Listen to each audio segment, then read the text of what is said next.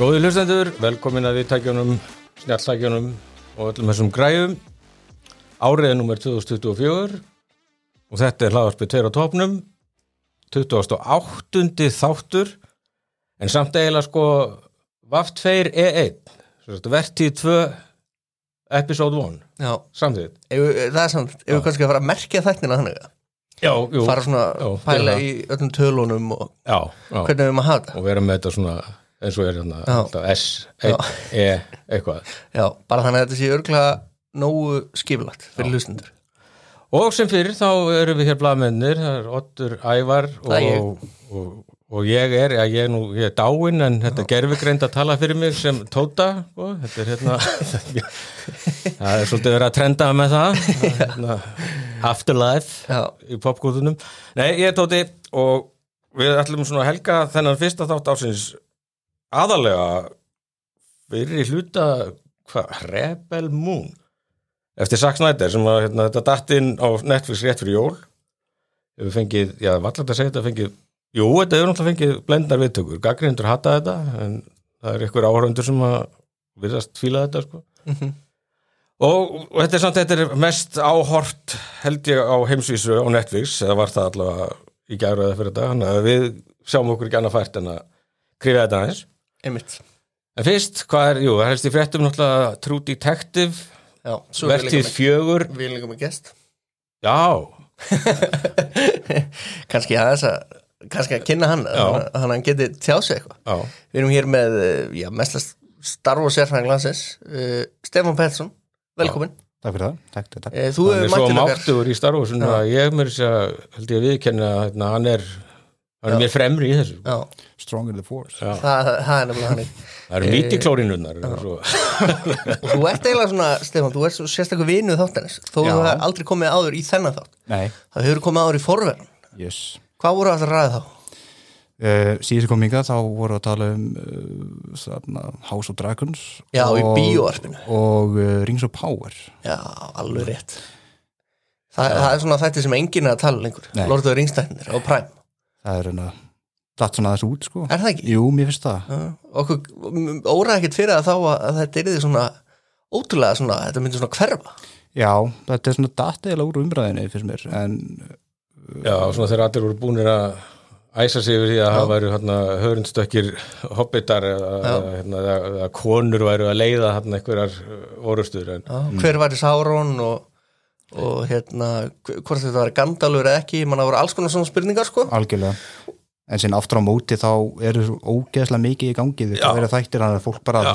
hægt að spá í það sé svolítið svoleiði sko. svo náttúrulega þeir ráðast í að eigða einhverjum skiljónum í vertið tvö, þá mæntalega hefst umræðan aftur, þetta er svo á svo dragon, það voru allir með meiningar um það svo er ekkert heyrst, en nú vitum við samt að Það það heyrst- er framhald á Já, leiðinni það hefur heist meira að Hástöðu Dragon sko. og með þess að hafa staðfestum daginn að serið 3 væri komin í, í vinslu já, ok, ok, ok. Þannig að og það bendir til þess að tökur hafa bara gengið glimrandi vel á serið 2 og hljóma bara eins og séu bara að vera búin já, það, ég held að, ég held að það hefur sko, einhvern veginn verið að taka upp í Bretlandi, sko, ég held að verkfalli hafi lítið trublað akkurat. þetta House of Dragon dæmi, sko. Já.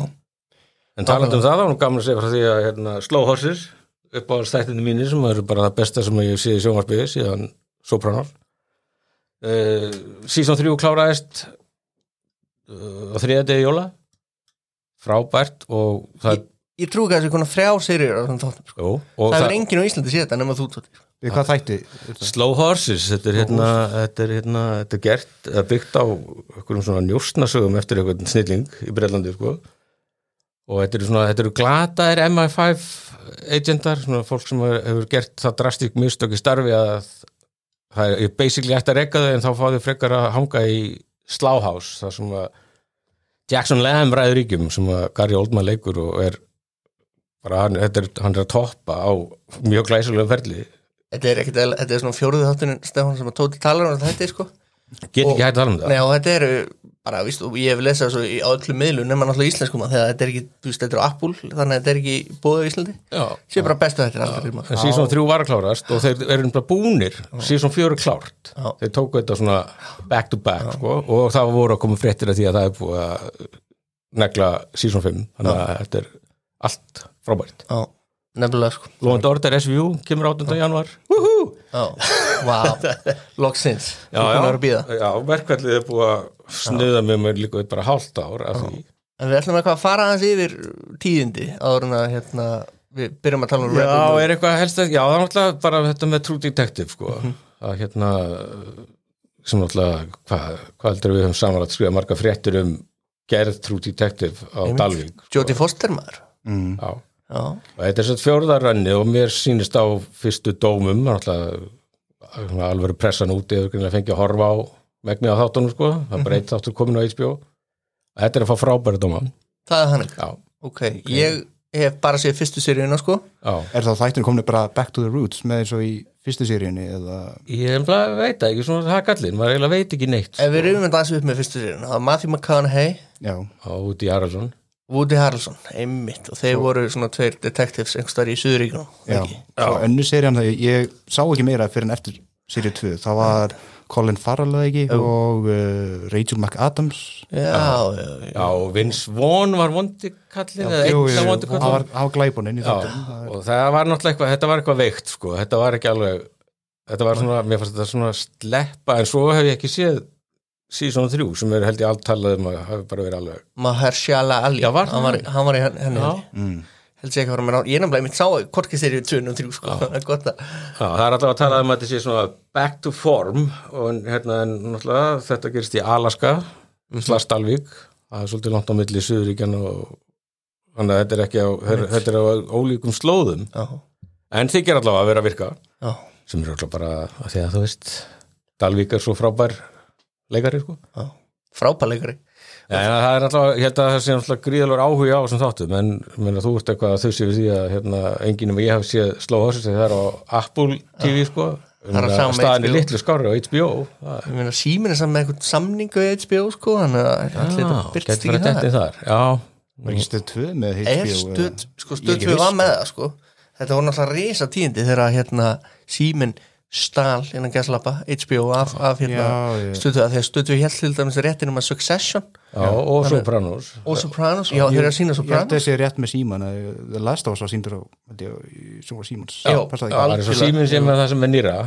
Þetta- nefnilega sko, þannig að það bendir nú til þess að True Detective verði á sjónvarpi símans. Já, Nei, ég meina ég talaði veginn við, við náttúrulega sendum þarna ljósmyndara og þegar var búið að breyta þarna hvað, eitthvað hús þarna orðið eitthvað, fiskbúð eitthvað orðin löggustöðin í bænum hennar Jóti Foster sko. og bæjastjórin, ég talaði um bæjastjórin ekkert og þá bara hún beið spennt og talaði um það að bærin allur væri mjög spenntu fyrir að sjá hvernig já þetta kemur út. Þeir eru með eitthvað sko, gott að auglýsa það ég náttúrulega er ennþá blaðamar Já, já, ég vil þú að fréttablaða hafa farið á hausinn. Já. Síðast þegar við fengum því ég er líka ennþá bla, ég er ennþá blaðmar þó Þú þetta? Já, það er, það illa veið Það er illa- breyst. Þú ert alltaf að tala um á sér látin og eitthvað svona að það er svona viss hvað, maður, á að segja. En hérna. hérna, ég, held, þú sért þetta. En, þegar ég veit að þeir buðu blaðamennum á hérna, Samuel Karl Ólason, blaðamar á vísi. E, mætti á eitthvað svona stafranan event sko. Það er að fara, ef hún er ekki komin nú þegar, þegar við komandi er að hlusta þá er hún alveg á leiðin á vísi. Umfyllunum Já, um, já, sko. já, já, Spennandi. Já, þetta var gaman að þessu svo, hefur við gaman að því það voru náttúrulega svona nætur tökur og var svo mikið af statistum náttúrulega sóttir Mhm. bara fyrir norðan já, og hérna, og Samherji kom og helviti sterkur inn í það allt saman sko, gott ef það var ekki eitthvað gamalt fristúr sem var leikt undir framleysnuna Mhm. og ég hafði nú upp á einhverjum starfsmann Samherja sem hafði verið svolítið mikið í einhverjum svona auka, auka hluturkum í einhverjum tökum og ég kannski að segja mér helling og svo bara rétt á hann ég var ég að fara ít á maður þessu, þá hringdi hann og þá bara þá bara mátt hann ekki að komið gagortir á það er bara þannig. Christ, getur ekki ofinbera allt sem hann sagði hérna í tömur og tónum Jú, ég þarf að, þarf að aðtöku hvort ég eigi þetta ennþá. Talandi um það, því ég ætla einmitt að fara að tala hérna upp úr hérna, óbyrtu viðtali við yngvar e.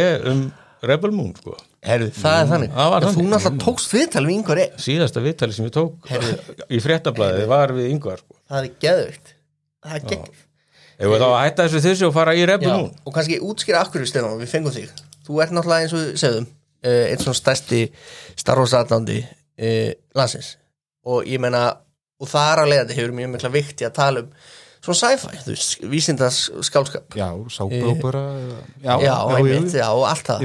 Og Rebel Moon, það var nú mjög margir tengt uh, sögur frá þessara myndar við Star Wars, uh, ef við förum ef að fara hans yfir sögur frá það fyrir hlustendur sem að kannski aldrei sé þessa mynd. Já, Þú veist, og við erum náttúrulega að tala svo hispuslust að tökum það fram þú með spillum og svo framins er, er líka það spurning hversu mikið getur þú spólað þú veist að reyka sögutráði mynd sem er einhvern veginn svona lélegt ljósrit af, af Star Wars sko. Er það, er það spoilerlaus þáttur eða Nei, það er bara fólk hlustar á einn ábyrg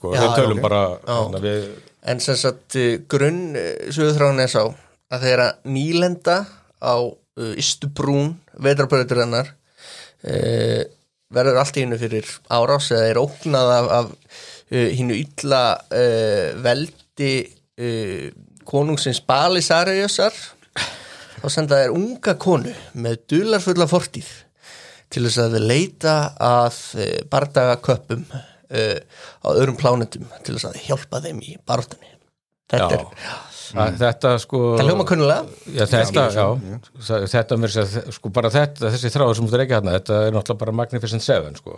Er bara Seven Samurai eða þú veist já, er einhver svona, sem einhver svona verið kornræktandi kvotbændur þurfa að sækja sér alvöru vígamenn til þess að verja þorpið, sko. Mhm.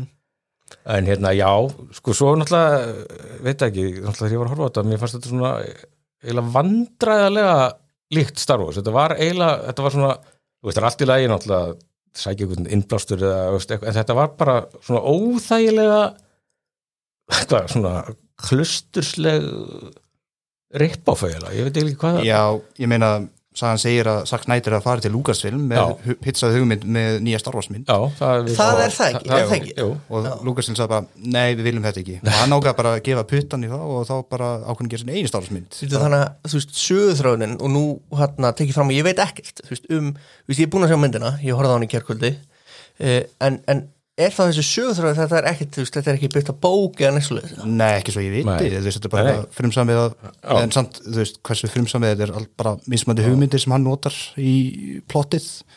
En ég meina, þú veist, þú horfur á bara sviðsettið, þú veist, eins og með Imperium, Empire, Rebels, Rebels og þú veist, hvernig sagan þróast og allt það, þetta er svona ég tók eftir, ég myndi á einu tíum í myndinni þá missaði sig svona og nefna, segja bara Imperial sko, Já, já, hefðu aldrei gert Já, það áður svona að Imperial kom annað heitið, svona, já, ok, nú er þetta mjög kunnulegt en bara svona, En svona eins og Eiríkur Fjarlarallamundóra þá er þetta frumsamið eftir hann sjálfan sko. þarna Zack Snyder og, og hérna, ég, já, ég veit það ekki sko. þetta var alveg ég myndi bara svona basics, ef við tölum bara um the basics í byrjun, bara hvað fannst ykkur, þú veist um þessa mynd, þú byrjaðist það bara svona, byrja? þú veist, já. Ég, það var kannski að veri mjög lýsanlegt lýsandi, ég var náttúrulega stattur í Svíþjóði, ég horfði á hana milli jól og nýjárs og þegar konan og barninu voru sopnuð þá ákveða að setja hirtnaþóli í eirun og horfa á í símanum. Ég held ég horfði á hana svona nokkrum dögum að ég var alltaf stöðut að sopna yfir henni, bara stöðugt. Ég átti mjög örð með að fara yfir svona mynd. Já. kannski að því að klukkan var margt og ég var þreyttur en það segir samt mjög mikið. Þú veist, ég get hort á bíómynd þreyttur og náða meikana en þessi mynd svæði mig mjög auðvitað Já, magnað Já, já, og stundu þurfti ég að spóla tilbaka til að áttum að hvað var ég að horfa á sko, ég er bara stundum neitt sko. já. Sko, ég, hérna, ég, hérna vilja svipa hjá mér sko, því að ég, hérna uh, byrjaði að horfa á þetta þegar að konun og barnið voru sofnuð það er bara alvegns þegar bara Já, við sömu- bara, það munna bara þetta er sami sögurþráður bara, bara litla stelman hans er bara einhverjum, hún er 22 dögum eldri en litli minn sko. það, það, það er Já, þannig, bara- ok við bondum þannig já, já. já. En hérna, já, en hérna, sem sagt, og þá, ég var eitthvað búin að nefna það við hérna, Dóru mína, ég þyrfti nú að horfa á þetta og þá var hún búin að sjá, örgulega, Hrafn Jónsson eða eitthvað hérna á X, Twitter bara slátraði svo þannig að það væri ekki hægt að horfa á þetta, hún vildi meina að það væri ekki hægt. Ok, En ég náttúrulega, bara skildunar vegna, þá setti ég þetta stað og ég tók þetta í einu, einu rönni. Bara ég, ég horfði á þetta, sagt, alla myndina, ég, bara einu rönni og hérna, svona, veit ekki, mér svona, mér leittist ekkit átakanlega, en mér fannst bara margt svona mjög bara erfitt vegna þess hvað þetta var um, hallærislegt uh, og klísukent og, og bjánalega einhvern veginn tekið úr starfa, sko, þannig að þetta var svona en svona, þetta er svona, ég þjáðist ekkert mikið en hérna, það er líka náttúrulega sem við tala um kannski er farin að mikið sem aldrinum, ég hugsa einhvern tímann hefði ég bara hætt sko. Já. bara sé, bara, hverju? Bara why? En, hérna, en e, þetta líka, þetta var svona þetta var svona svo kaotist sko, vondukallarnir þeir líka bara sko, það bara fari bara, í sko fataskáp þriðaríkisins, þeir eru bara, bara eins og næstar og, og samt einhvern veginn svona rómverskir nazistar þeir eru svona, svona rómverskur Já, hvernig voru klættir já, herminni, já. Já. Já, það er sko náttúrulega stormtrúberðarnir og keisarveldi í Star Wars náttúrulega, náttúrulega leinsikt að það er þetta eru fasistar uh, svona er að vísa í, í nazistana Mhm. en það er náttúrulega eitthvað cool og flott og eitthvað öðruvísi þarna bara svona bara klastara saman svona einhverjum búninga hundraðsöfingja og SS-fóringja og, og vondikallin er mæti þú veist með kasketi stór út í gemnum eins og bjáni. Já, vondi kall með staf. Já, hann gengur með stafin og, og Það var mikil áhersla á hann að stað Já, hann var alltaf, svona auka hryllingin sko þegar hann tók upp stafinn. Strákar fíla prík það var mjög áhverð já, já. og svo líka sko að því að svo er þetta náttúrulega þorpið þarna það sem að sem sagt, atverðar sem byrjar. Það, þetta er svona bara, þetta er eitthvað fólk sem að lifir á landsins gæðum og, og, og þetta náttúrulega bara er bara eins og bara sko átjándu aldar einhverju ískir kotbendur sko. Og er bara, það er allt í kringum þetta þannig. Það vantar bara þessi bara úst, uksar og plóur sko. Við vorum með einhverjar já, einhverja skepnur, einhverja, jú, einhverja svona game-uksar Já. og svo, sko, eh, svo sko, blandast eitthvað eitthvað high-tech, space, sci-fi og svo bara eitthvað svona opbóðslega jarðbundi og rúral sko, Mhm. Sem er líka asnalegt sem var einmitt ekki asnalegt í Star Wars sem allt var bara svona einhvern veginn þetta er svona gamalt og slitið og svona, en e e eitthvað samt eitthvað svona framandi Mhm. við allt í Star Wars þannig er þetta bara eitthvað svona þetta er svo þjóðmenningarsafnið en þjóðmenningarsafnið bara renni saman við eitthvað tækniminnarsafn 20. aldar eða eitthvað, það er ekki hvað þannig að maður veit ekki alveg hvað er í gangi og bara, og svona maður bara, sakk, af hverju var staður hvað, Ég var nefnilega að því ég var búin að ég var búin að, ta- ég var búin að heyri ykkur báðum áður en ég horfði á myndina sko.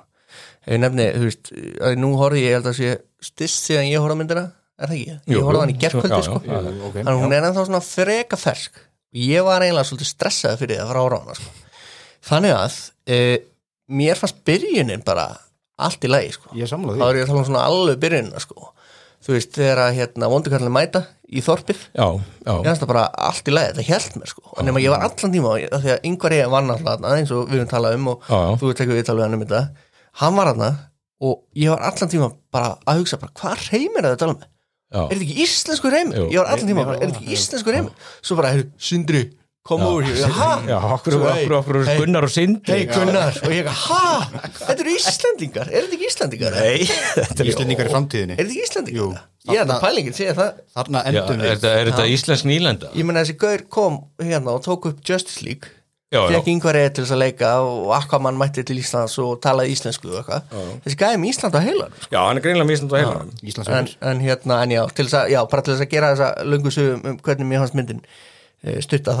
þess að, þess að basically, svo missir hún alltaf allan sko, svo detti bara út hana og ranga við mér aftur. Þá er, er hún komin sem sagt þá búið að, ég mani þegar þið myrtu Gunnar. Mhm. á mjög nættu, ég er bara, ok, va, þeir eru vondir, ok. Og ég hugsaði alltaf alltaf tíma bara, já, heyrðu, þeir eru þetta eru nazistar sem er, þú lítið út eins og þau séu frá Empire, en samt ekki. E, og hérna svo rangaði við mér og það er eitthvað konguló kona mætti minn Já, já, það þú er bara já. dottu Já, já, ég- varst ég- sónaði bara Já, út þess að að þeir myrtu sko, þeir myrtu Sindra ekki Gunnar, Gunnar er sko, hann er hann Já, var það- kortbóndin sem er að þælast þarna með. Hann er Já. svo algjör Luke Skywalker hann Nei, ég þóldi þá persónu til dæmis ekki, sko. Nei, og- Gunnar. Sko. Gæ- Sindri. Sagði þeim að fara að ríða og, og að nú ætlum við að hérna, Já. halda áfram að vera í jarðsambandi. Gæðin sem fimm með henni, sko. Já, það er Gunnar. E, Hann og, leiðilegur. og hérna og eins og ég sé, ég ranka bara við mér í þessari kongulóa hérna, dæmi, svo kemur þessi gæði með hennan mjög slæma íska hreim mjög illa geran íska hreim svona smá svona hann solo kartir Já, sko, Charlie Hunnam. Hann. sem svíkur þau svo á endanum. þú veist, þetta var hafið séð mýmið þarna af, af Tomma og Tom og Jenna sem hann límir á þessu auglókin límir þessu upp og halda áfram að horfa það var ég gerkvöldi sko. Og svo var ég bara gafst ég eiginlega upp sko. Ég var alltaf að skoða hvað er mikið eftir á myndinni. Já, já. bara einn og hálfu tíma eftir. Ég er búið með 50 mínútur, hvernig er þetta hægt? Svo kemur snættiskötti í enda árs með, Já, er eitthvað fjóri tímar eða eitthvað. Já, það er fyrsta R-rated. part 2 er náttúrulega eftir. Nei, er það ekki- staðfist? Nei, við getum gefið okkur það, veist, fyrst náttúrulega kemur part 2 Já. sem þú veist að að það verður verður Netflix einhver tímann á þessu ári svo þarf hún örgulega einmitt að koma með sko snædesköttið af þessum tveimur hörtum Já. í eina stóra snædermynd Já. af því að það hefur gefist svo vel hinga til að hérna, Nei, ég bara, þetta var einmitt það stærsti, stærsti náttúrulega gallin í þessari mynd var bara að maður, þú veist eins og þegar kom með þessu kongulagatri, ég man ekki, þá var þeir að sækja þarna sverðakonna Já, einmitt, og ég fatt að það svona eftir á, ég er ekki, já, þeir eru að sækja hana, ok, svo að ég skildi eiginlega eins og þú, veist, ég skildi eiginlega aldrei plottið, nei, þú veist, ég vissi eiginlega aldrei hvað var að gerast og ég tengdi ekkit við persónuna, sko, þú veist, persónusköpunin er eiginlega já, hún er svolítið grunn vandamál, Sko, mér fannst myndin falla mjög hratt niður bara stutt eftir baratrið með Charlie Hunnam. Já. og þeir fara eitthvað í skip og síðan fara bara, "Hey, nú þurfum við að ná í hitjunar og þess að var ég eitthvað að horfa á þetta og síðan voru þarna einmitt á, var það ekki næsta kongula konan sem jú, var það ekki, jú, mér minna það. Og ég held að var svona hálnað með það atrið, ég bara, hvernig endur við þarna? Og ég spólaði tilbaka til að átta mákvæði hver var þessi ákverðin tekin þú veist, að fara þessa leið nákvæmlega það sem ég kom out of nowhere. Já, ég upplifði það líka, ég var bara, ha, býttu, hvað er að gerast? svo var þetta bara eitthvað svona lélegt töl, töluleikaplott, þetta var bara við fyrir þessa plánundu, ná þessa mannesku, búin að vanna nú fyrir næstu plánundu, ná þessa mannesku og þessa mannesku þarf að gera þessa hluti til að sína hann sé, þú veist, kröftuður hetja og síðan, síðan fyrir með griffinna skefnuna einmitt, þá einmitt já, þetta er svolítið svolítið, ég er náttúrulega að spila svolítið töluleiki sko, en er, um leið og segir þetta þannig að er þetta, já, ég er búin að vera talandi, ég er búin að vera að spila Baldur's Gate 3 mjög mikið. Já, og þetta er náttúrulega eiginlega móðgun gagvart töluleiki maður lýsa líka, líka þessari myndi við töluleiki já, töluleiki getur verið svo miklu betri heldur en ég þetta segi að þetta er svo lélegt töluleikaplott Já, já, já, rétt, rétt. já, já, en líka þarna sko, var það ekki í bardagunum við þessa kongulókonu kom ekki þá einhver svona alveg galin gesla sem verið að rippa off, ég veit ekki bara Jú, hvernig jú, jú. Sko, glóandi sverð. já, glóandi sverð sko, þetta er að dansa í kringum það bara að fá ekki bara sko hérna, höfundarétta brot á sig sko.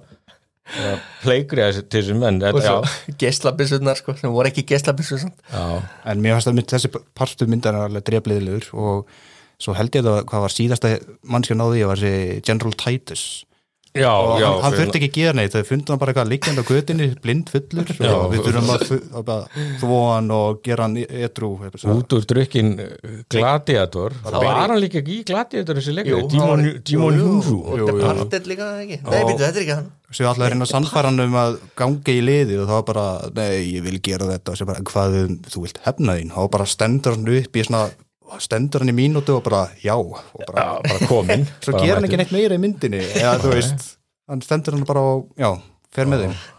Hann ná kannski eftir að fá að skína í part 2 já, en líka að tala um sko þarna einmitt síðasti kaplinn þar sem að þú gast haldið fókus svona, baratrið þarna með hann, Charlie Hunnam.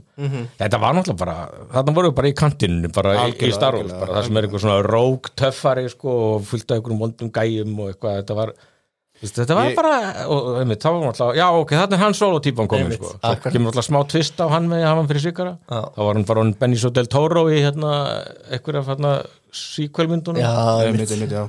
Ég hef myndi hugsað það sko að ég myndi aðrið þegar lappan í barinu og bara svona, ok, þetta er mjög starfslegt Já. og þannig að, ok, núna lenda ég í vesinni og svo finna þeir einhvern random kaftin og því þið voru að reyna að finna einhver skip og svo fer kaftinu með þeim uh, já, þar er, þá týndist ég í myndinni sko. en til þess að finna, týna upp svona jákvæða hluti sko, hann fannst mér gemveran hann mennska gemveran sem að talaði við og saði þeim hvar hérna, eh, hérna Já, sem var svona, Hersveikin svona var. teleporter eitthvað eða Já, svona- svona var, þetta var greinlega svona gemverðar sem var búin að taka yfir eitthvað mann og var að tala í gegnum mann minn eftir þessu Já, þetta var svona, svona bara fullur rott er það ekki sem var á Jú. gólfinu en var samt að láta eitthvað annan tala já, var fyrir að láta, þú veist, mannin tala þetta var, Já. þetta var vel gert sko. já, Já, já, en hérna svo við klárum yngvar státt Sigurssonar þá hérna fór ég að tala hann í mars 2023 og þetta er til þess að setja samangi fyrir hlustendur, þetta er fyrir fall uh, fréttablasins Já, bara rétt fyrir, þetta Já. byrtist í fréttablaðum 10. mars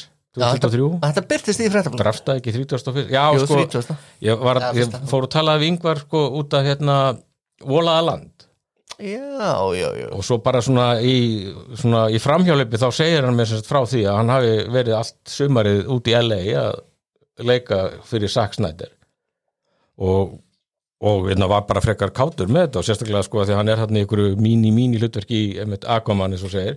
Já, og það kom yngvari mjög á óvart og ánægilega óvart að Snyder skildi fyrsta leið bara hafa munna eftir honum.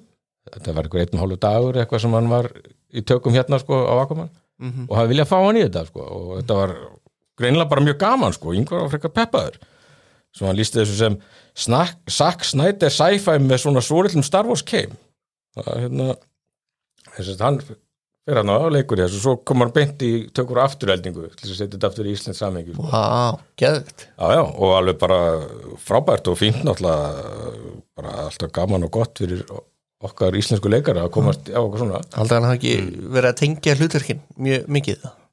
Hlutverki í Rebel Moon og, og í afturheldingu? Jú, öruglega og hann er alltaf svona svolítið sko einhver alltaf frábær leikari en hann alltaf talar ensku með þessum íslenska hreim Þetta var íslensku Já, er ekki sem Jú, saman jú, jú, algjörlega sko. Og það stakk mér svolítið kannski að því að við þekkjum þetta náttúrulega sem bara hreimin okkar. Já. en svo fór ég þetta spáði sko, svo eru náttúrulega bara það eru leikarar hann úr öllum áttum. Tala bara hver með eiginlega, sínum hreim. Þannig að, mm. jú, jú, út í geimnum getur þetta alveg, veist, það voru ekkert íslenskur heimur þetta er bara Hagen sem mm. einhver leikur tala bara svona. Já, og hann er svona gamli, hann er sjómlinn sem að sem sagt, finnur aðal típuna þetta var mjög stórt hlutverk Já, Þetta er hann, mjög og hlutverk er sem ekki búið, hann er ennþá hann er skráður í part 2 sko. sem kemur út í april það og ákvað ég spendur já. þess að bara til að hoppa snögt þess bara myndin bókslega endar því end of part one.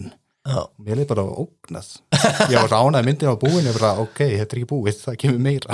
Já og, og e, sko, voru eitthvað plottistæði sem við erum að glemma hann það þau voru svo ekki inn Þau af eru þessum svikin. Han Solo? Ég, ég, ég átta mikið á þessu vondugurinn hann Noble, gurinn með prikið Já. uh, hann deyr hana settur í eitthvað svona túp sem Matrix eitthvað út. Sett, sendur eitthvað svona Matrix Dimension eitthvað, ég er ekki alveg áttum með hvað var það sem hann hittir hérna, ígildi bara Palpatine Já. og þetta er náttúrulega mjög líka þetta er mjög veiterísti anakynst þarna hjá þessum vonda Noble sko Mitt- okkar gæla bara drepur hann beinlis, en hann er samt verið ekki vera alveg döður af því að hann, Einmitt. líka við mjög kunnulegt það var eitthvað eitt atriða sem hann var í skipinu sínu með einhverja túpur á sér eitthvað snúrur og síðan var eitthvað hvað var það, snúrur að nutta Heyrðu, það er mjög mikil umræð um þetta á, á netinu ég því ég var ég var í hálfgerðu dái þegar þetta aldrei kom sko, en ég man aðeins eftir þessu sko, af því ég fór heila bara svona í dá yfir þessara mynd sko. Já, já. ég bara get ekki útskipt þessa líkamlegu tilfinningu betur sko. uh, hann var að stunda kynlíf með þessum túfum Já, með túbunum? Já, það er það allan að telja svona flestir áhörundur sko. þetta var Tentacle fetish þetta var já, kynlífsatri já, ok. Já, en ég meit að því hún nefnir sko Matrix þá hérna það var hérna kvíkmyndatímaritið Empire eða frendur okkar á Empire eins og við viljum kalla það sko, þeir splæstum nú alveg hérna tveimur stjörnum á þetta, á tveim stjörnum? Já, Rebel Moon. Þeir Heyrðu. eru, líka, þeir eru, þeir eru svona þetta er búið að vera sko mitt go to kvíkmyndatímarit bara frá ég var 17 eitthvað svoleiðis. Og ég held bara að Empire sé svolítið bara eins og ég þetta er bara er að eldast og mýkja sko. Við erum alltaf að verða einhvern veginn ofjákvæðir mm -hmm. en það segja þér að þetta sé ekki það sé náttúrulega augljóst á því að horfa á þetta að þetta sé Zack Snyder's Star Wars. Já, en ekki bara það þetta er líka his Matrix Blade Runner af Gladiator. It's Vikings and Nazis and Aliens and Lightsabers. Það er bara svolítið þetta er bara eins og fimm ára krakki við bara fengið hugmyndir að ég vil gera svona bara, þetta er það sem ég vil gera. Ég, það er önnur hérna. Það er mikil umræðum það hvers vegna að þegar nú heyrðis með við þrýr erum sammála því að þetta sé ekki góðmynd þetta er, þetta er frekar lélemynd og Já. ég hérna á samfélagsmiðlum uh, Letterboxd heitir hann ekki, Letterboxd, Jú, jú. Letterboxd þá hérna þá skrifa ég þú veist ég skrifa oft gaggrinni tóti, ég hef nú lesið stundu fyrir það, ég skrifa alltaf ennsku sem er mjög fyrirlegt en ég hef bara byttið í mig og, og hef ákveðið að hætta ekki, þú veist það er engin það er engin að fylgja mér á þessum miðli sko, ég er bara eitt aðna sko, með Já, já, það er þetta að þú getur Hérna- mögulega að stækka markkópin aðeins með að tjáðu Já, með þetta já. En hérna, núna að því ég var náttúrulega í dá eins og ég sagði ykkur. Já. og ég eiginlega leita á þetta sem hálfgerða svona gíslatök núna þeir eru spáðið myndi var með mig sem gísl þú veist, bara fyrir svona sem ég kom langaði að fara að tími sofa. til eftir að, að það var öll þessi ári í blaðminn sko, þú fáir að sko gjalda fyrir það og þurfa að leggja eitthvað á þig. Valdur ég sé búin að sjá marga myndir gegn vilja mín Nei, ég bara, ég var hann heima á mér og ég kæðis minn, eitthvað, viltu ekki bara koma að sofa? Ég kann, nei, ég geta ekki, ég þarf að halda áfram að horfa á þessa mynd, það er maður hérna á hippogriffin að reyna að ná þessum hippogriffin. Og ég skrifaði, meðan ég var í þessu dái uh, slags gíslatöku, þá skrifaði ég á ég lesta ennsku og íslensku, vil ég því þetta? Pröfaðu ok, ég skal, ég skal, ég skal því þetta. Ég sk- skrifaði þrýr hérna grátandi bróskallar please hættu please hættu. Upprófumerki, upprófumerki, upprófumerki ég er búin að horfa á einn uh, klukkutíma og 22 mínútur af þessar mynd. Það eru 55 mínútur eftir. Hjálpið mér. Þetta er svo löng mynd. Uhuhuhu. Yngvar eða segjum svona mjög góðu samt. Aðal personar tala með íslenskur heim þetta er það sem ég nærlega og ég svo gaf ég myndinni tvær stjórnur eins og Empire, já, bara alveg eins. Þetta er alveg mjög góð lýsing hjá þér En svo þegar ég er að rýna hérna í punktana mín þá sé ég mitt hvort þetta er hérna, úr IGN eða Empire sko að í november hafi Snyder þegar upplýst að þá komi R-rated Director's Cut sem verði heilum klukkutíma lengri. Ég held þið var að djóka með með, Þannig að það verður tendugalatri að verða það öðru Já, það verður erotískara R-rated er náttúrulega bara hann banna ætlar bönnum alveg að gefa lengri útgáða Var ekki, hvað, Justice League eða Batman Superman eh, lengur útgáðan að reytið Jú, var ekki Justice League? Jú. það var kvött hann umræðan þeir vildu allir allt í einu aðdándu fá Mér það. finnst nefnilega spes sko hann talaði um þetta með, sitt, með sína lengri útgáfu að þegar fyrstu dómanir eru komnir inn og allir, þú veist, fá tvo, þrjá í einhvern þá kemur hann bara, já, já, býður bara eftir að sjá lengri útgáfuna, þetta er svona eins og þetta er hann svona go-to bara, þú veist, það er ekki gengur eftir það bara, þá bæti ég klukkutíma auðbúð, þá er fólk fíla þetta. Já, sem hefur nú ekkit virkað það mjög vel. Ég, sko, ég, ég, ég, náttúrulega- ég er mjög svona anti-DC comics í setni tíð sko. ef ég mann það rétt þá er búið að sagt, hann er ekkert að fara að koma held ég uh, frekar að DC heiminum Nei, sko. er það sé búið en það er nú bara, sennilega nú DC heiminum bara búin en, en ég, hann það eru margir að því ég fór að lesa meðla ég, þú veist, ég held, hugsa, að ég muni eftir á og ég, grunar að þessi mynd, ég veit ekki alveg okkur muni, hún mun fá eitthvað svona köld following sko.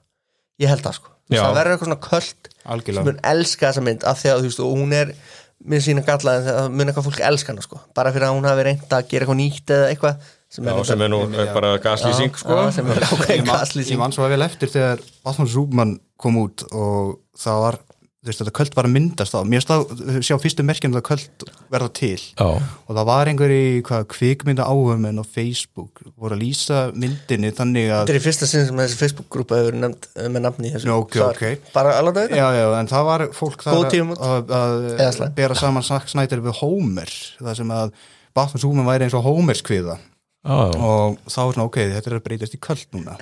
Já. og síðan uh, verður þetta köld stærra og stærra og þau fóru að kalla eftir Cut á Justice League og það hefnaðist, ja. myndin kom út og köldu á mjánu, þannig að maður sá alveg fyrirfram að uh, Rebel Moon myndi alveg hafa eitthvað góðan aðdóðan alveg saman hvað. og hann er einmitt svolítið, svona, kannski svolítið örugur þar, sko, ég nú með hérna, þetta var bara í desember, fljótlega eftir að myndin dattin á Netflix, sko, þá sko var hún held ég í hérna 23% á rotten, sko, Já. kengurotin en svo er hún, sko, þarna í desemberlók, þá er hún komin í 69% í audience, sko, Yes. að er alltaf skilur svolítið á milli þarna kritikara og En, en hvernig En þá er náttúrulega kvöldið bara komið, Mætt, sko, mætt já, já. til þeim, sko. En, byrju, en hvernig gerir þetta hjá honum? Af Því að nú hefur hann ekki gefið út góða mynd í þó nokkur ár Mm. Batman vs. Superman er, var það ekki svona fyrsta myndina sem var svona, heyrðu, þetta er ekki gott hann gerði náttúrulega myndina Sucker Punch á undan Já, hún var ekki talað góð, heldur Nei, nei, nei, og ég hugsaði Ég sko, sá hann aldrei, sko. það var svona versta myndin sem ég séð hjá honum og ég hugsaði, ok, getur hann gert verri mynd og síðan kom Rebel Moon að því að fyrir Sökkapöns þá gera hann Sko, við skulum bara taka þetta í rauð, sko. Er Dawn of the Dead, Þú ert 2004. með list, djúfull er ég ánægð með Það er búin að vinna heimöðun Já, ég veit það. Þannig að ég, ég, ég er endar horfið á myndina Já, já. hann hafði, nefnilega gott rönn til að byrja með Já, já, tvö, sko, the Dead var bara, hvað, 2004, mig man og ekkert eftir, en þetta var endurgerða af náttúrulega Romero, hérna, zombie, allt í lagi. vakti mikla aðtekli Já, og svo náttúrulega 300, sem ég beið bara, sko, trillt spenntur eftir, 2006. Sturlu mynd Já, og náttúrulega gerði eftir sturlari myndasögu Frank Millers En, um uh, frækilegustu vörn mannkynsunar þegar Leonida Spartverðum konungur leiti sína 300 menn í laugaskörð sem hann varðist sko það var svona sambarlegt og bandaríkjumdur ást á í hérna sko. og það er í þeirri mynd sem hann byrjar að taka upp þessi slóma-atrið Já. Þar Já. byrjar jú, slóma jú, jú, jú. Já, talandi um það náttúrulega í þessari reflum slow motion er notað alveg fáránlega sko. alveg mjög mikið eins og hvað var atriðana í barnum þar sem uh, aðal söguhetjan ákveða bara allt einu bara, nú þarf það að vita mína baksögu og bara kemur eitthvað allt og langt atrið, allt í slow motion sem er eitthvað hlaupandi með byssu, öskrandi eitthvað og já, ég er svona jæja, hvena fer þetta að vera búin en þá já, en slow moið var semst í lægi í 300 sko. En, það, en, það virkaði mjög vel það já, en það virkar ekki þarna og hann líka er svona bara sér búin að missa tökin. Já. svo kom Watchmen 2009 og þetta er náttúrulega, náttúrulega legendary myndasögur bæði 300 og Watchmen og sko mér fannst Watchmen alveg fín en ég hafði fullan skilning á formælingum og fordæmingum Alan Moore sko, höfundar myndasöguna sem að hata þetta náttúrulega. Hann handa hana? Já, hann hata allt. Það er, alveg, vegna? al, já, það er alveg saman hvað er gert eftir Alan Moore sko, hann hatar alltaf en hérna, og þetta var þetta einföldun og allt það, en þetta var alveg hún virkaði bara fyrir mér. Já, ég fíla hana. Og svona stílis er þau, svona flott, skemmtilega atrið og töff senur sko. Mhm. en svo fyrir kannski hann þetta fæti, Sökkur Pöns 2011 mér fannst að vísa hún, ég hefði gaman að henni. Já, en það þarf líka, þetta er bara þetta bara flottar gellur að slást við 80 soundtrack og þá er ég bara þú veist, alveg sáttu sko. En, en hún var náttúrulega auðvitað verið ekki góð mynd. Og var hann ekki, er hann ekki búin að hefur hann ekki verið að tísa stundum hann, nú, hann geti alveg hrist fram lengri útgáða henni sko mm, jésús, lengri út almatur sko. það þarf að stöða hann og mann Já, og svo var náttúrulega eftir Sucker Punch þá koma þarna Man of Steel og Batman vs. Superman, Dawn of Justice og Justice League og það er, þú veist, en var ég, ekki mann á stíl allt í lagi ég, mér það ekki Nei. ég sá hana reynda bara einu sinni, ég man bara það meikaði engan sens hvernig þið rústuðu New York svo fór ég svona, svona eftir á í of Justice eitthvað, heyrðu já, það hafði reynda ráleðingar Já, já. Batman er brjálæður Já. Nei, ég meina, sko, ég náttúrulega, þú veist, ég sá náttúrulega Superman með Kristoffer Reeve, sko, í háskóla bíói, 70 og eitthvað, 8 Jesus Christ. Og það var geggjað, þú veist, ég var með plakkut á honum og vekkja mér, ég var krakki. Ó. og ég, veist, ég hef ekkert á móti Superman og ég er mjög hrifin af Batman þetta er alveg, þetta er alveg, þetta er alveg mínu menn. En mér finnst þetta allt leðilegt menn á stíl, glötuð Batman og Superman alveg bara fárunlega leðileg sko. Og Justice líka alveg ömulega líka þá líka að því að maður náttúrulega er náttúrulega Marvel maður sko, er bara, hvað er það að reyna? Hvað, ætlaði að púla Avengers bara og með þessu sleifa lægi sko. og svo náttúrulega sá ég ekki Zack Snyder's Justice League 2021 sko. Nei, ég hef ekki séð hana. Hefur þú séð já, hana? ég sá hana, já. Og var þetta til Er hann ekki fimm tímar eða? Já, eitthvað fjórir, eitthvað svo leið, sko. Og þau hafa búin að breyta freiminu þannig að það er svo, er svo bara gamalt túbukassi, sko. En, Jesus. en jú, ég, þú veist, svo- góð, hún var frekar léleg. Saksnandi myndin er, þú veist, verður því skári en samt ekki eitthvað Já, góð mann hafa einhver umræða um þetta upp á blaði sko, með vinnir, einmitt, Arna Tómas félag okkar hafi talað um að þetta hafi verið, tekið svolítið á að fara í gegnum þetta, en þetta hafi verið til bóta en ég, ég bara, eins og ég segi ég, ég gæti ekki hugsa mér að hérna, að tjekka á þessu mér, mér leið bara eins og þetta Justice League Snack Snyder myndin hefur verið bara eitthvað svona mynd fyrir Snyder kvöldið yfir höfuði, sko. Þannig, Já, bara að vera að fóðra þá já, skemmni já, og þeir bara fengu það og núna vilja bara alltaf á Snyder skött yfir öllu. Já, Nei, mér finnst náttúrulega galin umræða ef að þá að koma eitthvað ný eitthvað ný útgáða Rebel Moon myndinni sem við erum að tala um þú veist, já en sko þegar Þetta er sko, lengsta mynd sem ég sé sko. Já, hún er svo leðileg og langdregin Já, og þú er bara halnaður Þú veist, Part 2 er eftir, sko. Það sem að mér finnst eiginlega vanta hérna í þessu gögnu er, sko, hvað kemur sko í november lengri útgáfa bara af Part 1 og kemur svo líka klukkutíma lengri útgáfa af þessu Part 2 sem kemur í apríl og kemur svo endanum sko Super Snyder já, sem er þá En- þessar tvær saman pluss tveir klukkutímar. En svo var ég nefnilega eitthvað að rannsaka þetta sko, uh, í gær. Hvers vegna þessi maður fær þetta tröst er hvers vegna fær hann þetta tröst skilja, hann er augljóslega, við erum að tala um þetta hann hefur ekki gert góða mynd síðan 2009 skilju, Watchmen, ef við segjum að Watchmen sé góð. Þú veist, og Sökapönn sé léleg og mann og stíl sé léleg. Mér reynda fannst mann og stíl kannski allt í lagi. En hversna fær hann þetta tröst hversna fær hann alla þessa peninga? Og þá er það víst umtalað hvað sé almennilegu maður? Já, já, já. Nei, hérna Yngvar sagði það hérna. Hann, hafði verið svo, hann, hann, hann segist að hafa haft svo gaman að þessum einu og hálfa degi þegar hann var að leika hérna í Aquaman Já, og hafi verið svo káttur að fá að leika meira fyrir að því að Zack Snyder er svo skemmtilegur. Já. Ég hef það sem mjög er bara, þá væri skemmtilegt ef hann væri hans hæfileikar ykkur já, ég Já, eða Segi ég sem hefur kannski- aldrei leikstýrt Nei, hann kannski þarf bara eitthvað reality check en ef hann er sko í grunninn, svo hérna ég held að yngvar líka sagt að hann snætið fór ekki leint með það að þetta væri svona bernsku draumur hans að gera eitthvað Star Wars, Kurosawa bla bla bla. Og náttúrulega Lukas var líka náttúrulega þar sko hann að og minna að þá ef hann er í grunninn bara hreinrættaður og heitrúaður Star Wars-nörd, þá náttúrulega lítur þetta að vera góðu maður. Þannig að það er náttúrulega ekki verið Jú, jú, en hann hefur bara eitthvað vilsta leið en svo náttúrulega eftir þetta Justice League dæmi þá kemur hérna Army of the Dead sem að var á Netflix. Já, það, ég sá það Sástu það ekki? Nei, það er spilavíti í Las Vegas er einhvern veginn Dave Bautista er þarna og bara heilaus skemmtun fannst mér, eða þess ég Já, var bara og hún var svona löng en þá er mitt, en mér leittist ekki yfir henni. Það er samt er lengur komið upp, er í koka zombjum Er þetta framhald af Dawn of the Dead? eða? Nei, þetta er eitthvað, bara eitthvað, eitthvað sem hann er búið til stóðanum, held ég. Þannig Já, að, hristið fram, fyrir Netflix og að, ég mast ekki, það var, eitthvað, það var eitthvað það svona, eitthvað auka persóna, eitthvað þyrluflumar eitthvað sem að eitthvað ég man ekki hvað fíkurinn heitir sem að var svo, var, cancelled. Þannig að þurfti að skjóta alla serindar aftur með nýri, eða, það var komin eitthvað leikona í þetta hlutverk sko. Já, já, ok.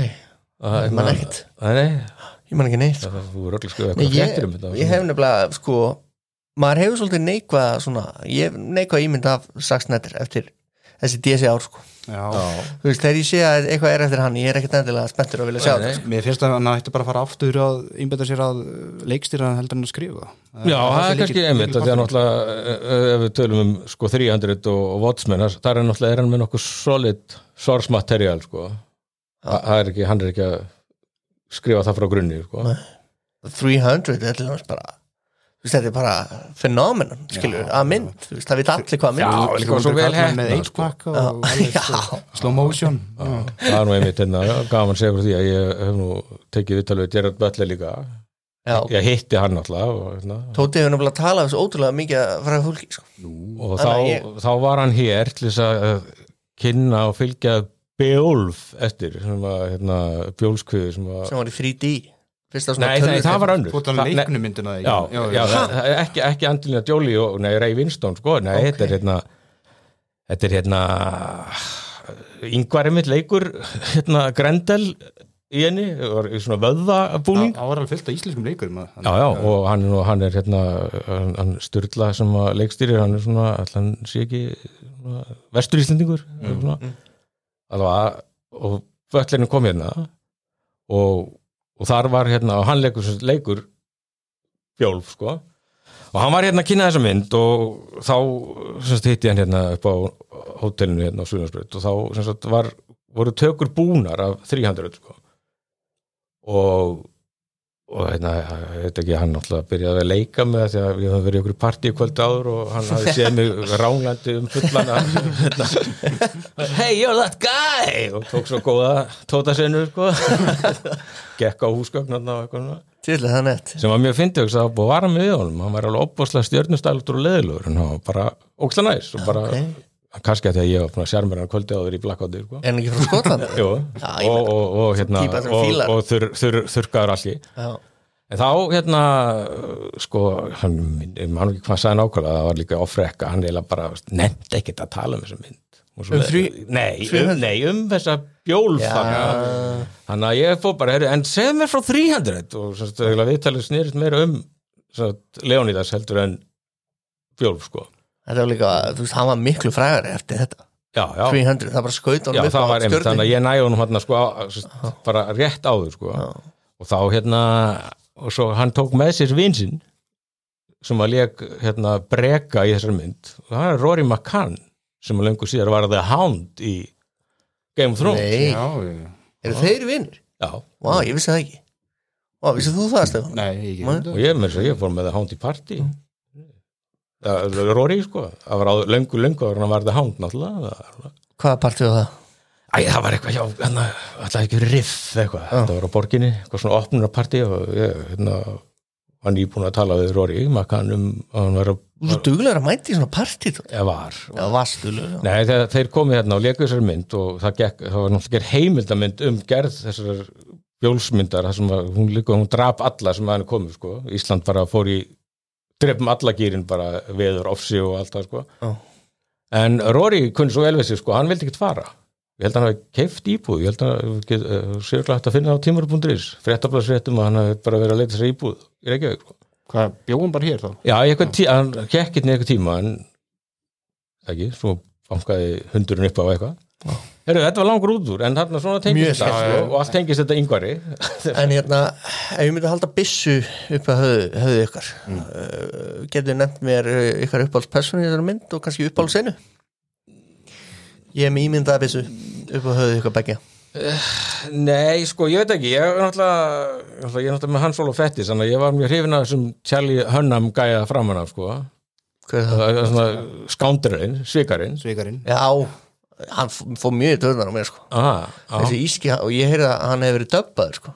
Hreimurinn, Já, ok. og hefur vist verið svo slæmur og En er nei, það er ekkit það er, nei, nei. Og líka þessi aðalpersonan hún- Kora, sko hún er einhvern veginn of eitthvað, ég veit það ekki, Já. maður ánáttlega einhvern veginn að rúta Sophia fyrir henni. Botell já, alveg flott, sko, alveg töff típa og flott dama, en einhvern veginn svo bara er hún svo ógeðslega klár, sko, hún er bara, þú veist, bara þú veist, hún er að vera bara eitthvað að hanga þarna í þessu þorpi þarna undir verndamæk yngvars og svo bara er þetta bara þú veist, þetta er bara mesta þetta er bara John Wick. Mhm. Já, Bara- kemur á matrið með exina og bara drepur alltaf násetta herminuna Já.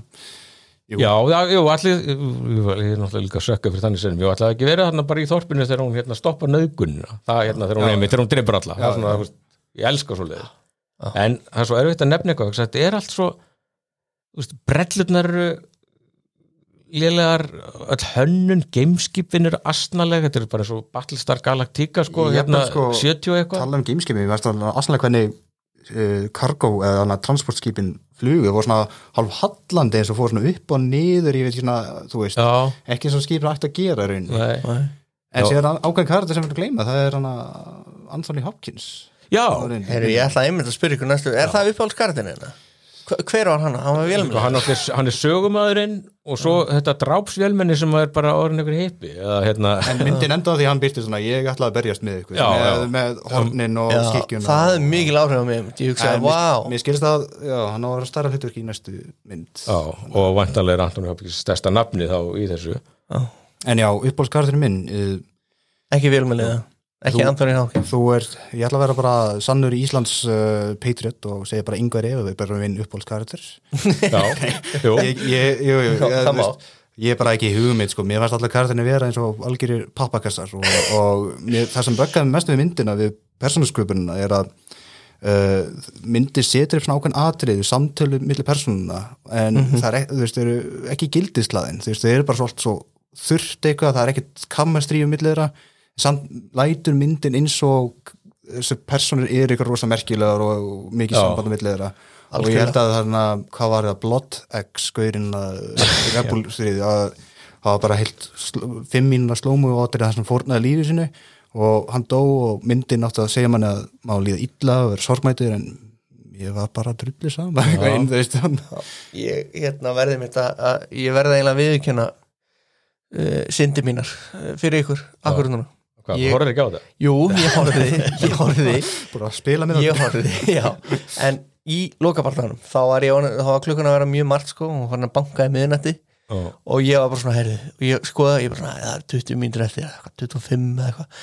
Og ég bara svona, ah, ok, hraðspólaði smá svona, ah, mm, svona, stoppaði, ah, ok, þetta er að gerast uh, þú þegar þau voru að berjast. þú hún var að berjast við aðal vondagaðan Já, já, já. ah, þetta er alveg frá búið, þetta er alveg frá búið varst að tala um atrið þegar voru hann á sífandi já, svona alveg loka, loka Þeir atriði, þeir- eru að taka Anakin Já. Obi-Wan og Mustafar á einhverjum svona einhverjum turni það á svona hraðspólaði, sko. Ég er nefnilega, ég er með, sko mér finnst besti leikarinn í þessar mynd það er vondagaðan, sko.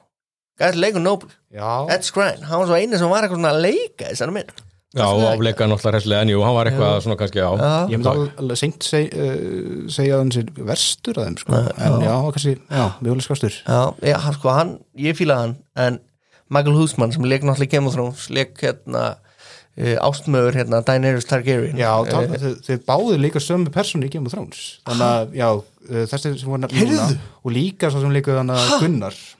Ég var að fatta. Gunnar er þessi húsimann Gunnar Hussman, Michelle Hussman og Gunnar eða sem sagt Mitchell Húsmann sem leikur Gunnar og Ed Skrein sem leikur Admiral Atticus Noble. Já, þeir leikur báðir uh, Sirius, nefnir, hvað hétt hann aftur? Í Game of Thrones. Ég manna ekki Eh, um, og við verðum að við verðum að hérna Ottur að googla á síman, Já, það er klassíst út af sömni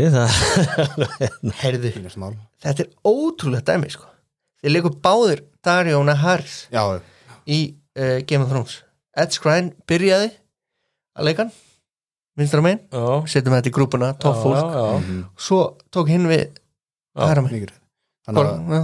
að mynd sem þú sínum með að vinstra minn er nasistinn og hinn er bónda þeir hefði átt að halda nazistanum sem uh, Darjóna Harris í Game of Thrones já, það bara hendaði fram. En svo hérna, kannski að því að yngvar var hérna og þessi íslensku nöfn, þá er mitt, þessi, þessi kapli í myndinni hérna, mér fannst stundum eins og þetta væri, ég væri bara að horfa á Hrafn Gunnlaugsson mynd, veginn, svona skáli, allir eitthvað að geta og dansa og eitthvað, þetta var svona mitt, eins og Vempaði segir, svona vikingar, geislasverð og, og, og næsistar í gemnum, Og talandi um það, hérna, finnst þetta ógæslega myndið, hérna, sem sagt, ég fann mím, heitir það ekki mím, með með, svona, er svona myndir á internetinu með svona texta. Ég veit náttúrulega ekki hvað þið eru vel að ykkur í Futurama en það er bara pósterinn fyrir Rebel Moon og þetta heitir Zack Snyder's I'm gonna go build my own Star Wars with blackjack and hookers.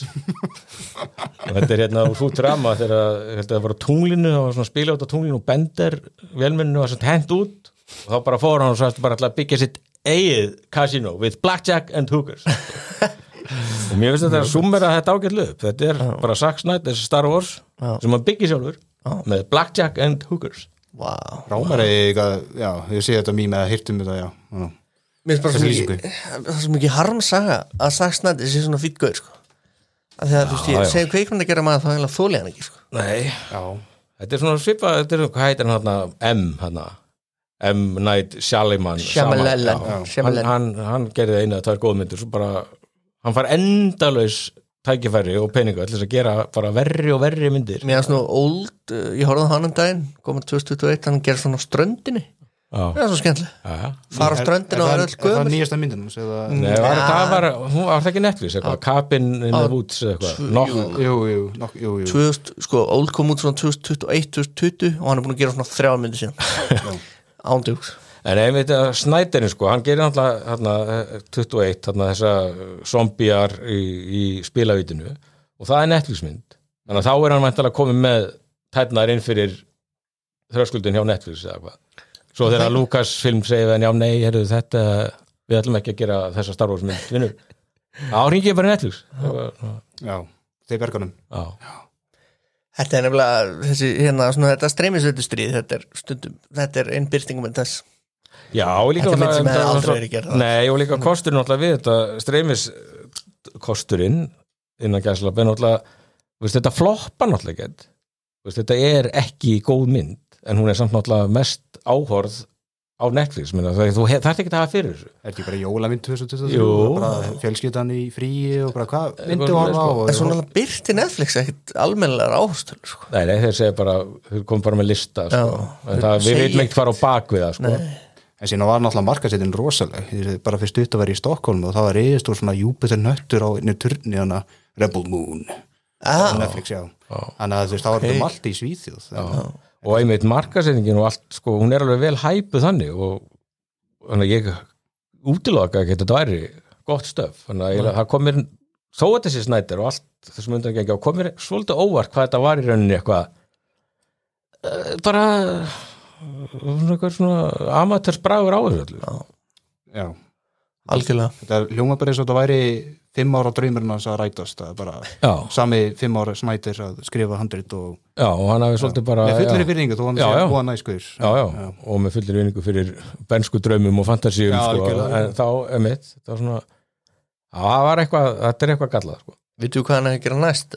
Fyrir, Þú veist, eftir náttúrulega part 2 sko, sem Nei, þá hann, hann dreymir um að gera það bara franchise. Allar fólki sem voru að vinna við myndinu hugsunum bara uh, þarna tala um það, ég sá gammal tíst á uh, gamla Twitter að þarna Mm. fyrir cirka ári og þá var vitnaði fréttina það sem fólki í kringum Rebel Moon myndina töluðum að uh, bara skýt með Lucasfilm við gerum okkar einu Star Wars. Já, og síðan tístist skrifaði eitthvað, það verður mjög fyndið þessi mynd myndi að fá læri einhvern og rottin það myndi heldur en Rise of Skywalker. Já. og og svo sjáðu þau vantilega fyrir sig að það sé ótal sögur þarna, þá veist, þú getur fara að rekja þetta í allar áttir, þú getur fara að fylgja þarna, hvað, kannski þarf að segja sögur konguló og konunar eða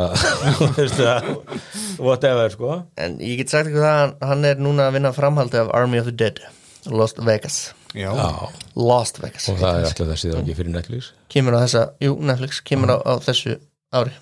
Það hefur verið sjónvastættir já, Það er ekki. meina ok, ok.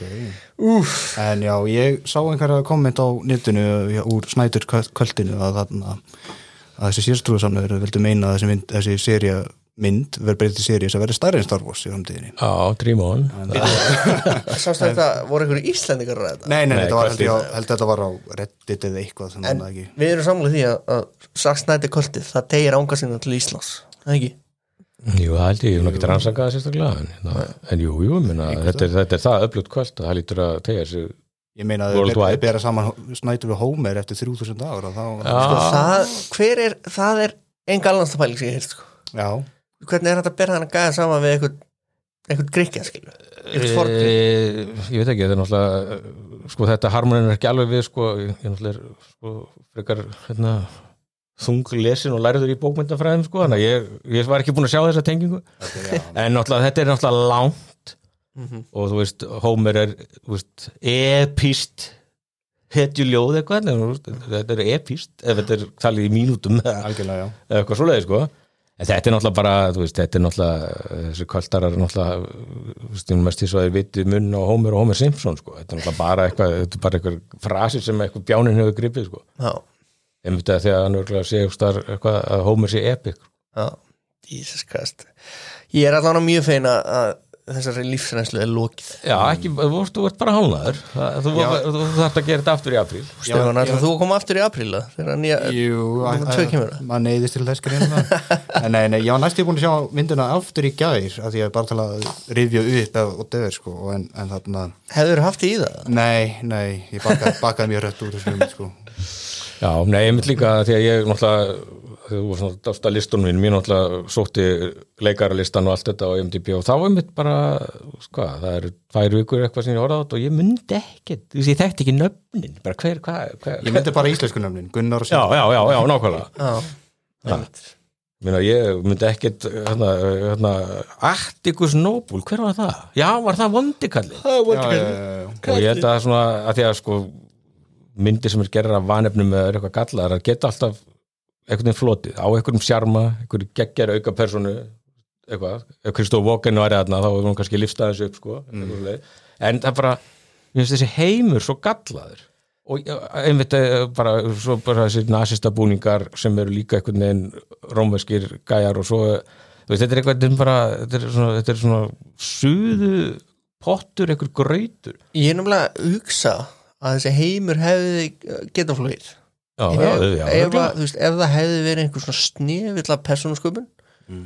og þar á leiðandi þú veist, persónum sem að voru, væri að hegða sér eftir því hverjar þær eru skiljið, sem hefur svona rökreitt áhrif á framvindu sögunar Já, það er líka náttúrulega rosalega vondur og ert með þetta margar persónu þetta, er náttúrulega, þetta gengur allt út um það þetta er, þau eru náttúrulega ekki að labba og labba og labba eins og Lord of the Rings, en þetta er svona einhvern veginn verið að þvælast og sækja, svo stækkar alltaf þau hópurinn eru bara, sko. þau bara að fljúa, en það sé engin persóna sem einhvern veginn náður einhverju tengingu við sko. Nei. eins og segir þeirra uppreisnar fóringin deyr þarna einhverjum heitudöða því er alveg sama? Já, en að því að hann var, þau voru sískinni hvort þau voru týpur að ég hugsa aðeins, æja, auðmíkja systir hans, nú er hún ein. En þú veist, svo var það búið, sko. En ég meina, Mhm. en þú veist, maður áður alltaf, þú veist, veit ekki, það er einhvern veginn mann er alveg sama. Þegar hann segir hann að hersöngin við hana þeir eru á hestunum hann á plánetinu hennar. Þetta er fallið pláneta til að já. og, hann, og hún eitthvað ég er sammála. Og þá klárast myndin sko, og maður eitthvað ok, I was born here Ok. and you're, you're gonna die here myndin- convenient Já, þetta myndir vera eitthvað svona í þessum, þessari þemu, bara svona hvernig samtölunum voru og hvernig flæði almennt á myndinu var bara eitthvað svo ótrúlega off eitthvað. Já. Eins og þetta er svo nefnaðan bara svona þau eru eitthvað að chilla, svona núna ætla ég að segja frá baksöfu minni, frá prinsessunni sem ég, ég bara skildi ekki það flatt hvað er. þetta? Exposition, heitir það ekki? Jú, þegar þú ert eitthvað svona, herru, nú þurfum við að koma áhrindum í skilningum af hverju við erum hérna. Já, fallega góða prinsessa. Fyrir að lýsa eitthvað frá prinsinu með eitthvað krafta og keisanum og ég bara skildi ekki neitt hvað var gangið hann og þannig að, Nei. já, Svo líka þetta þarna þegar ég fór að sækja hennan sem er á að vera eitthvað svona, indjána töffara frumbyggja þarna sem að temur þetta, Jesus þetta Harry Potter uh, skrimsli þá er ég alveg dottin út sko. Já, en sko líka allt við það einhvern veginn, þá er einhvern vondur kall sem er með hann í þrælahaldi, þetta, hann, þetta var bara svona vattu úr Phantom Menace eitthvað svona. og það þurfti að gera eitthvað og leysa eitthvað til þess að fá hann frjálsan og auðvitað er svo vattu drepin strax var, var, var, þetta atrið var ekki byrjað. Þá vissi maður bara step by step hvernig þetta myndi fara sko. Já, einmitt, og algjörlega drama löst einmitt. Þetta var átak Þetta, þetta var líka, þetta var ekki það, það langt atrið, þessi atrið þess að voru að fara flakka millir plándan og sækja þessar hetjur og það var bara eitthvað svona, já, við finnum þessa personu en nei, við, við þurfum fyrst að gera þetta, ég þarf að drepa þessa kongulóa konu og með glóandi, ekki gíslasverð, eitthvað glóandi sverð og svo Ég- bara svona, síðan fann svona, svo allt er bara voru þessar personu byrstist, byrstist bara í skipinu bara þú veist það er svona, það er engin, fór ekki neitt á milli fannst mér, ég bara, já, ég skal fara með ykkur. ég vissi ekki hvar ég var þessi kongulóa konu að byrti sko. ég bara ég get ekki líst þessari tilfinningu. Ég held ég hef aldrei upplegað þessari tilfinningu að horfa á það sko. Hún bara svona rótaði mig sko. Já, hún var samt eða kannski sympatískasta persónan í þessu öllu. Var þessi kongula og kona, hún var alltaf svo, svo vond eitthvað, það var ég eitthvað bann og eitthvað svona maleficent eitthvað.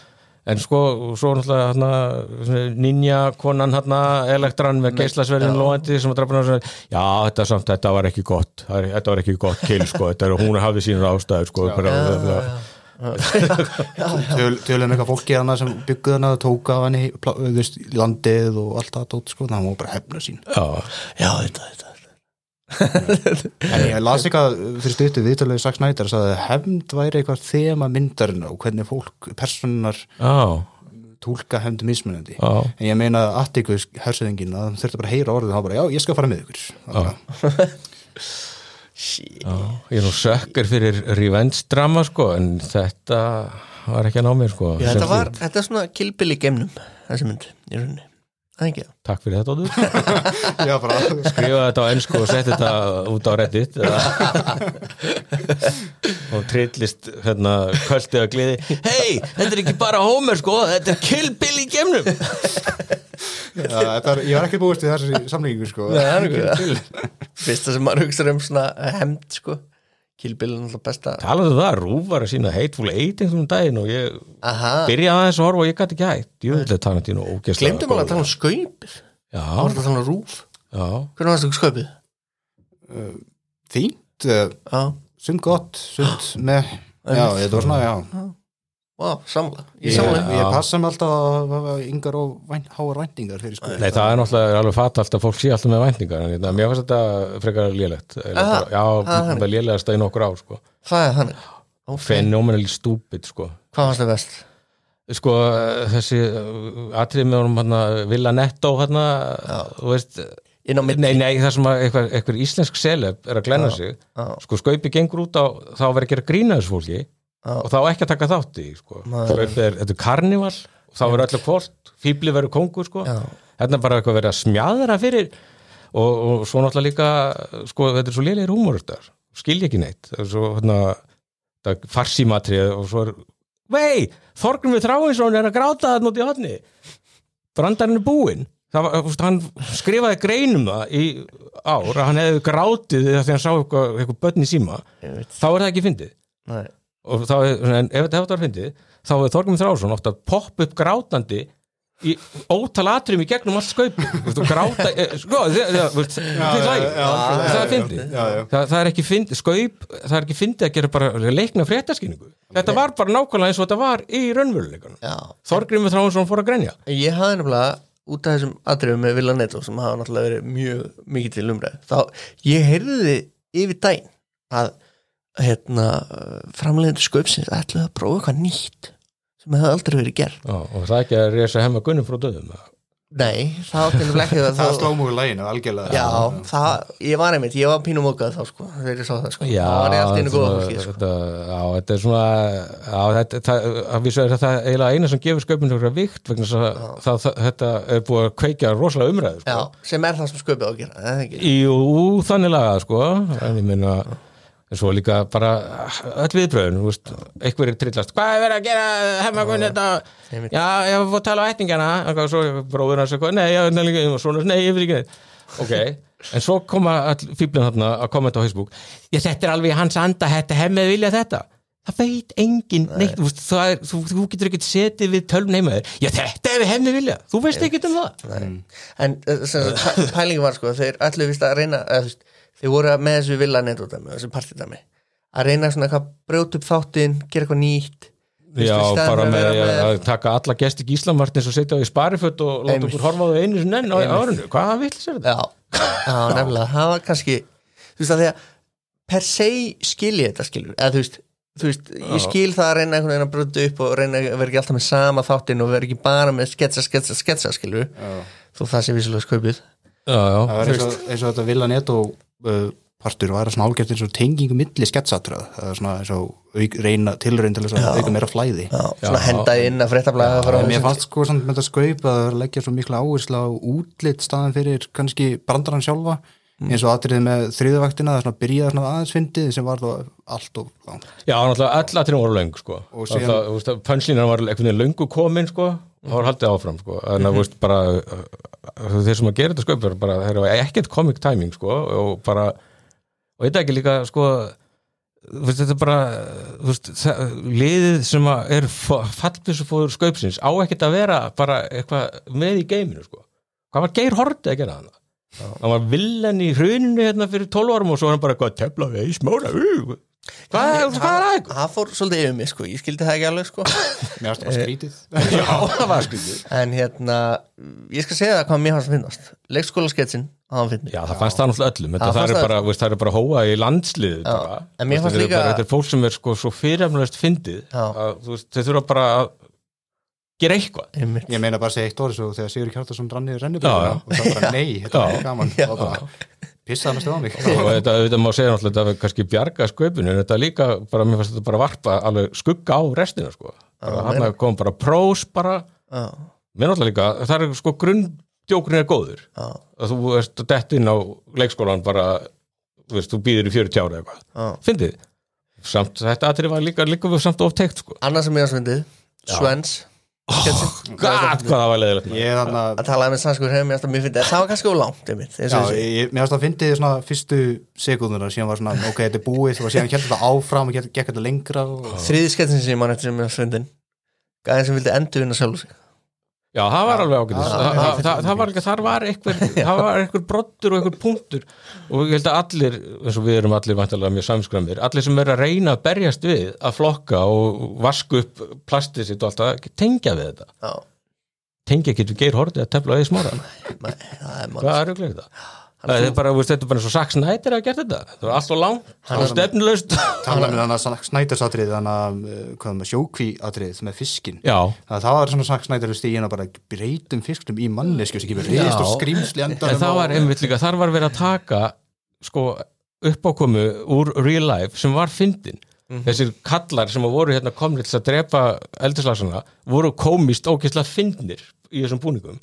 Og það var ekkert nýtt, það var bara eina jú að hérna Ari Eldjárn og hérna Gísli Garðars töluðu norsku. Gísli, og svo var bara einhver allir íslendingar orðnir að einhverjum fiskum með eitthvað, þetta var bara, þetta var fárvægt Mér finnst líka að, að, veist, svipað þetta um atriði í grunnskólanum með stelpuna sem var að ranta yfir kjærnum þetta var svona, mér fannst ekki finn, veist, þetta var leikið hjá stelpunni. Mér fannst það svona mest magnat við þetta atrið en þetta atrið var bara svona ákveðin svona ábending á svona, en það var, var- ekkit húmor vakið þetta var sem mér sko. Með mig, þetta bara, þetta bara var þetta bara, svona, þetta var frekar átakalegt af því að þetta er svona, sko. Þegar ég verið í grunnskóla, sko, þá hérna, voru alltaf fóreldarnir með skólanum og mótumann ef maður var óþekkur, sko núna er bara alltaf bara skólinn bara on trial bara fyrir, sko þú veist, minnstu tyrun til þess að aga minna, alltaf einhver saksóknari fyrir utan sko. Já, já, og fyrir móðusugir lélega, leiðilega fóröldar hlaupa alltaf á Facebook og Ágúst Borgur getur upp og djöfaf og allt er ónýtt. Það er alveg hérna, glæða, og hætta þessu? Herri, ég er bara svo ánægð með hvað þú ert brjálað ég, það leikur við þurfum að hérna, ég þarf að klippa þetta bara svona, setja þessa umræðu fremst og hafa svo hitt allt eftir og ég er að djóka sko, ég ætla ekki það sko. Ég, ég klippa aldrei neitt í þessu sko. Beint eins og þetta er. En ef ég er svona brjálar þá ekki samt taka fram að ég er ekki edru Nei, ég er ekki fullur. Þú ert, þú ert ekki fullur. Það er ekki fullur. Ha, þú ert ekki fullur, þú staðist það sko. Já, þó að sé eiginlega beer o'clock einmitt núna. Já hjá ykkur. Já, hjá okkur. Eh, hérna, Stefán, takk fyrir komuna. Já, bara takk fyrir að horfa á Rebel Moon mínu var ánægða og við skilum náttúrulega bara bara til kveðin til hlustenda sem að ætla að horfa á þessa mynd og það eftir. Já, já, ég meina við hljóftum að vera búin að gera þetta mjög svona freistandi. Já, að kíkja á þetta. Ég meina við búin erum, að við, erum, við erum búin að hálfgett útskýra nógu mikið það sem er flókið um- þegar við myndin og við ætti að hafa meira skilning hvað er að gerast. einmitt. Það verður bara alveg blindi í þetta. Hanna fólk á að upplifa sig með stuðning í uh, þessari gíslatöku sem að er fólkin í því að horfa á þessa mynd sko. Já, ok, heyrðu, er þetta ekki gott bara? Við erum búin að tegja okkur yfir 60 Já, mínútur fara á topp fólk á Facebook og fylgja okkur og taka Já. þetta umræðum og halda áfram að lifa lífinu og, og fylgja okkur nýja ári Það ekki það? Jú. Dóttir, þú átt loka ári Já, ég ætla bara að fara að stopna mitt eigið podcast með Blackjack and Hookers